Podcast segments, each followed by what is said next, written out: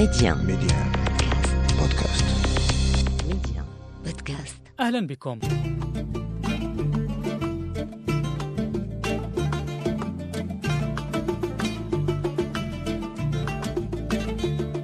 العدد الأول من حلقة برنامج مكاشفة عن التشيع المغربي. حدثنا الدكتور محمد جبرون أستاذ التاريخ والفكر الإسلامي السياسي بالمركز الجهوي لمهن التربية والتكوين بطنجة عن أبرز العلامات الفارقة في تاريخ التشيع بالمملكة.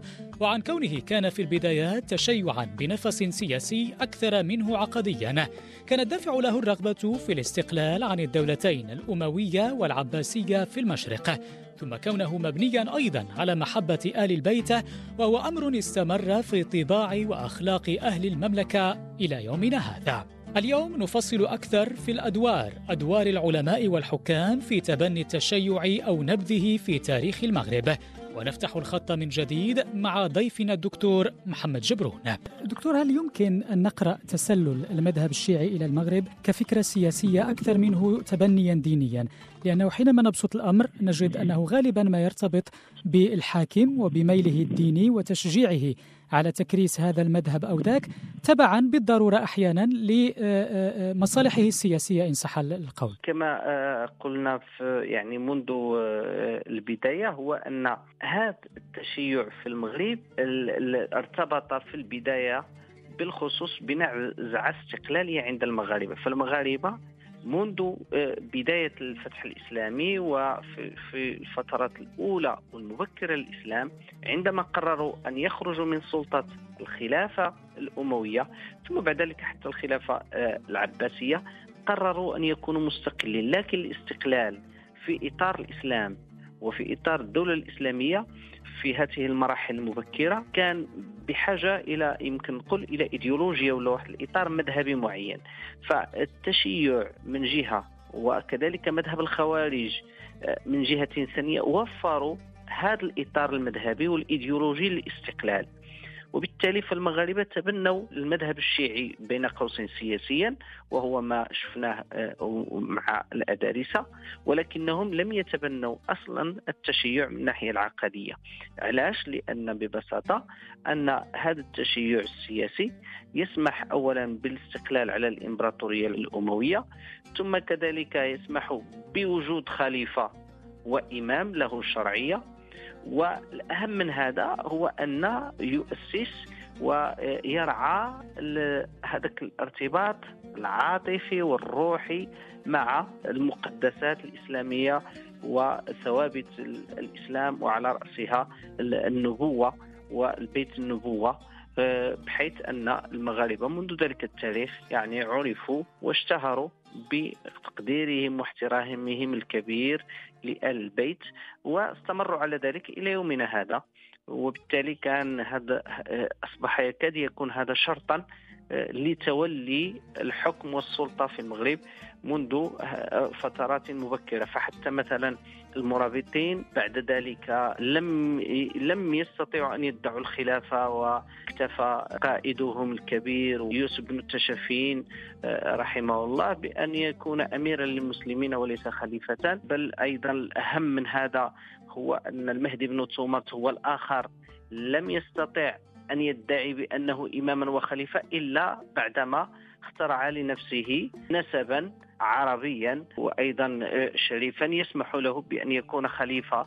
وهكذا. فاذا هذا التقدير هو اللي أو هذا هو النوع ديال التشيع الذي ساد في المغرب. بعيدا عن أصحاب السيف والإشارة هنا إلى الحكام ما كان دور أصحاب القلم من فقهاء وعلماء وخاصة الخاصة بالتعبير المستخدم في هذا السياق في تحويل المملكة إلى سنيتها لاحقا ونبذ التشيع. هل الأمر المرتبط بالميل ميل الفقهاء والعلماء نحو السنية أم أن الأمر مرتبط كذلك بالمزاج العامة في المغرب وحتى مغاربيا ربما وهو مزاج لا يستسيغ تعدد المذاهب والنحل. هذه القضية ديال من كان له دور كبير يعني في تسنن العامة وكذلك الحفاظ على المذهب السني وتكريسه في المغرب. هناك أشياء كثيرة جدا وعوامل كثيرة ساهمت ولكن من بين أهم العوامل هو أولا هذا الوجود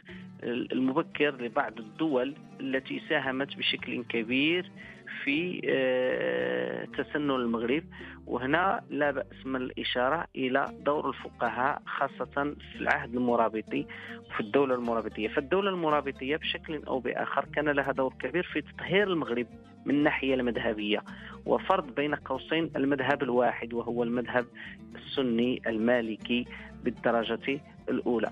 وهي في الواقع كانت ترجمة واحد أو تعبير عن واحد الحراك وواحد الدينامية فقهية مالكية امتدت من تونس القروان في إطار مقاومتها للعبيديين وانتشرت في المغرب بمقاومتها للطوائف وتعدد الكيانات والطائفية السياسية.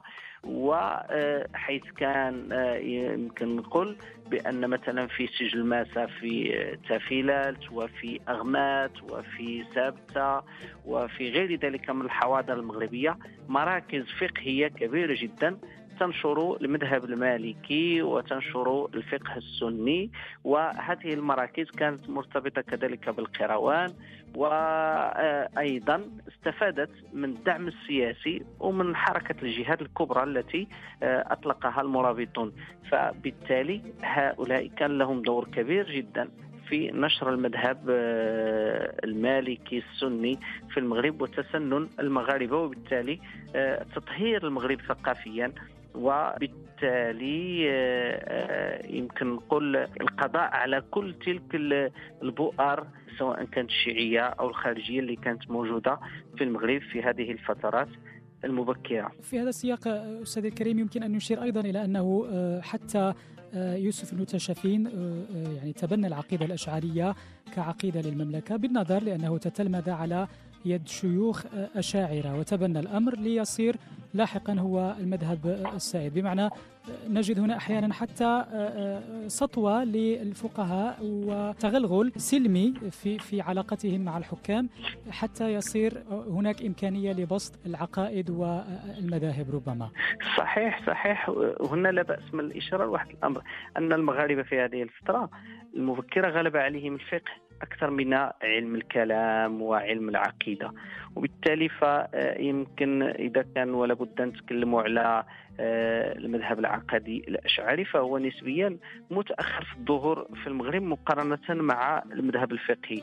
وحتى التأليف في العقيدة الأشعرية ونشرها بين المغاربة وإلى آخره هذا الأمر تأخر لأسباب ثقافية معروفة. فالمغرب هو واحد البلد كانت الغالب فيه هو آه، اللغة الأمازيغية وهناك عجمة بين أهله وبالتالي تعاطوا الفقه أكثر من من الكلام. وبالتالي لم يكونوا منخرطين في تلك المعارك العقدية والكلامية التي كانت موجودة في الشرق بقدر ما كانوا مهتمين أكثر بالجانب الفقهي ويتعاطون الفقه أكثر من من غيره من العلوم.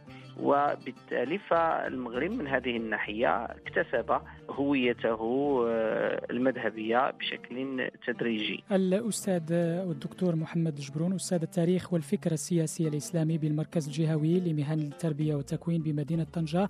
شكرا لكم آه، على كل هذه التوضيحات سيدي الكريم وممتنون مرة أخرى لقبولكم دعوة البرنامج. شكرا لك وشكرا لمستمعينا في إذاعة ميديا ونتمنى أن نكون فيدنا المستمعين.